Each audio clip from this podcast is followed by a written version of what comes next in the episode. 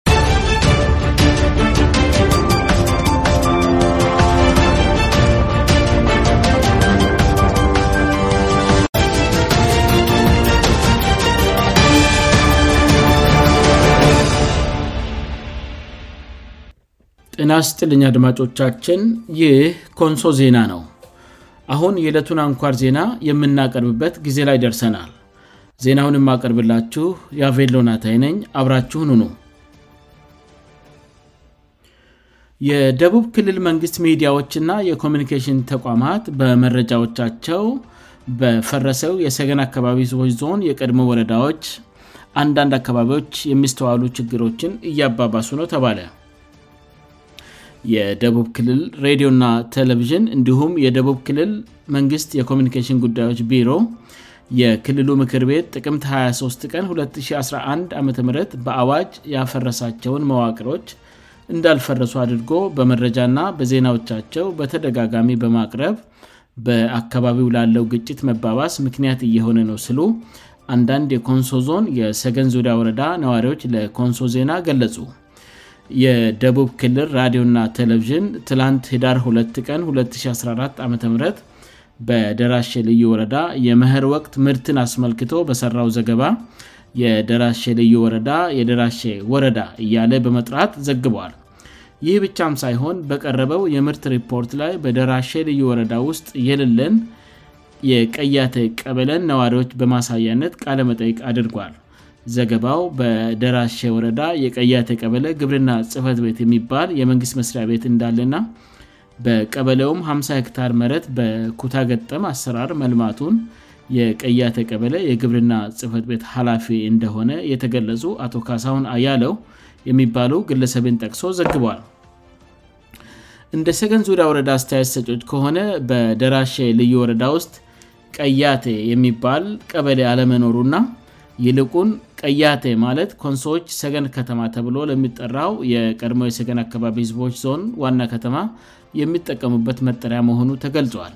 ኮንሶ ዜና ባደረገው ማጣራት የደራሸ ልዩ ወረዳ በጎርጉርሳውያን የዘመን ቀመር ባለፈው አመት ነሐሴ 10 ቀን በኮሚኒኬሽን ገጹ ላይ ባወጣው የአዳድስእና የነባር የደራሸ ልዩ ወረዳ ቀበያ ዝርዝር ውስጥ ቀያተ ቀበለያ የሚል መጠሪያ ያለው ቀበለ አለመገኘቱን አረጋግጧል ይህም የደቡብ መንግስት ሚዲያዎች ያለምንም ማጣራት መረጃዎችን አየር ላይ እንደሚያውሉ ማሳያ ሆኑ ተመዝግበዋል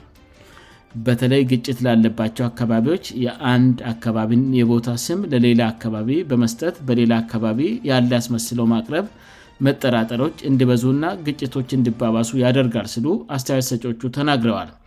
የሚዲያ ተቋማትም በአንድ አካባቢ ላይ የዜና ዘገባ በሚሰሩበት ጊዜ የአካባቢው ትክክለኛ መዋቅራዊ ስያሜ በማጣራትና በመጠቀም ሙያዊ ስነምግባሪ የተከተለ ስራ በመስራት ግጭት አባባሽ ከመሆን ሊቆጠቡ ይገባልም ብለዋል አስተያያ ሰቹ በተመሳሳይ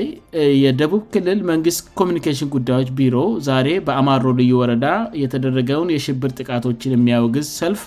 በዘገበበት መረጃው አሁናውንና ትክለኛውን መዋቅሪያዊ ስያሜ በመጠቀም የአማሮ ልዩ ወረዳ በማለት ፈንታ በፈረሰው የሰገን አካባቢ ህዝቦች ዞን ውስጥ በነበረበት ወቅት በሚጠቀምበት መዋቅሪያዊ ስያሜ የአማሮ ወረዳ ብሎ ጠርቶታል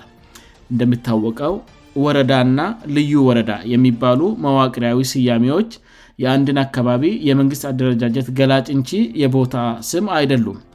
በወረዳ አደረጃጀት የተደራጀ የመንግስት መዋቅር የግዴታ ዞም ተብሎ ለተሰየመ የበላይ አደረጃጀት እርከን ተጠሪነት አለው ልዩ ወረዳዎች ግን ከዞን አደረጃጀት ጋር በተቀራረበ ሁኔታ በቀጥታ ለክልል መንግስት ተጠሪ ናቸው እንደ ነዋሪዎቹ አስተያየት ልዩ ወረዳዎችን ወረዳ ብሎ የሚጠሩ አካላት ለየትኛው ዞን ተጠሪ እንደሆኑ በማይገልጽ ሁኔታ መናገራቸው በህግና በአዋጅ የፈረሰውን የመንግስት አደረጃጀት እንዳለ የመቀበል ያህል ስለሆነ ህገ ወጥነት ነው ብለዋል የሰገን አካባቢ ህዝቦች ዞን ፈርሶ የኮንሶ ዞን ለብቻው በተደራጀ ጊዜ ከኮንሶ ጋር ዞኑን የመሠረቱት ደራሼ አማሮ ቡርጅና አሌ በልዩ ወረዳ መዋቅር መደራጀታቸው ይታወቃል ይሁንና የደራሼ ልዩ ወረዳ እስከዛሬ ድረስ በፈረሰው ና ህጋ ውቅና በለለው በሰገን አካባቢ ህዝቦች ዞን መዋቅርና ህጋ ማህተም እንደሚጠቀምና የደቡብ ክልል መንግስትም የሁንታውን የሰጠ በሚመስል መልኩ ምንም እርምጃ አለመውሰዱ ይታወቃል ይህንንም ከዚህ በፊት በተለያየ ጊዜ መዘገባችን ይታወሳል ለዚህም ማሳያ የሆን ዘንድ የደራሸልዩ ወረዳ ከመስከረም 26-እስ28214 ዓም ለነባር አሽከርካሪዎች አደጋን መከላከል ላይ በሰጠው ስልጠና የቀድሞውን የሰገን አካባቢ ህዝቦች ዞንን መዋቅር በህገወጥ መንገድ ስጠቀም ተስተውሏል አሁን ደግሞ የደቡብ ክልል ራዲዮእና ቴሌቪዥን እንዲሁም የኮሚኒኬሽን ቢሮ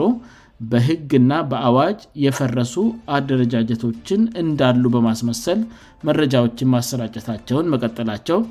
በደራሽ ልዩ ወረዳ ውስጥ ተሰግስገው አሮጌውን የሰገን አካባቢ ህዝቦች ዞን ለምናፍቁ ህገ ወጦች ሽፋን ይሰጣል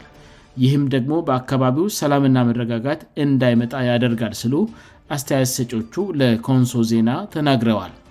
አክለውም የኮንሶ ዞን መንግስት የኮንሶን ህዝብና መንግስት ጥቅም የሚጎዱ የተዛቡ ዘገባዎችን የሚሰሩ የመንግስትም ሆነ የግል ሚዲያዎችን እንዲሁም የመንግስት ተቋማትንም ጭምር ከድርጊታቸው እንዲቆጠቡ በህጋዊ መንገድ ሊያሳስብና የማያቆሙም ከሆነ ህጋዊ እርምጃ ሊወስድባቸው ይገባል ስሉም ጠይቀዋል ይህ ኮንሶ ዜና ነው አድማጮቻችን የእለቱ አንኳር ዜናችን ይህን ይመስል ነበር ስላዳመጣችሁ እናመሰግናለን የሳምንቱ የዜና ስርጭት መርሃግብራችንም በዚህ መፈጸሙን እየገለጽን ሰኞው ማታ በተመሳሳይ ዝግጅት እስክንገናኝ በደህና ቆዩን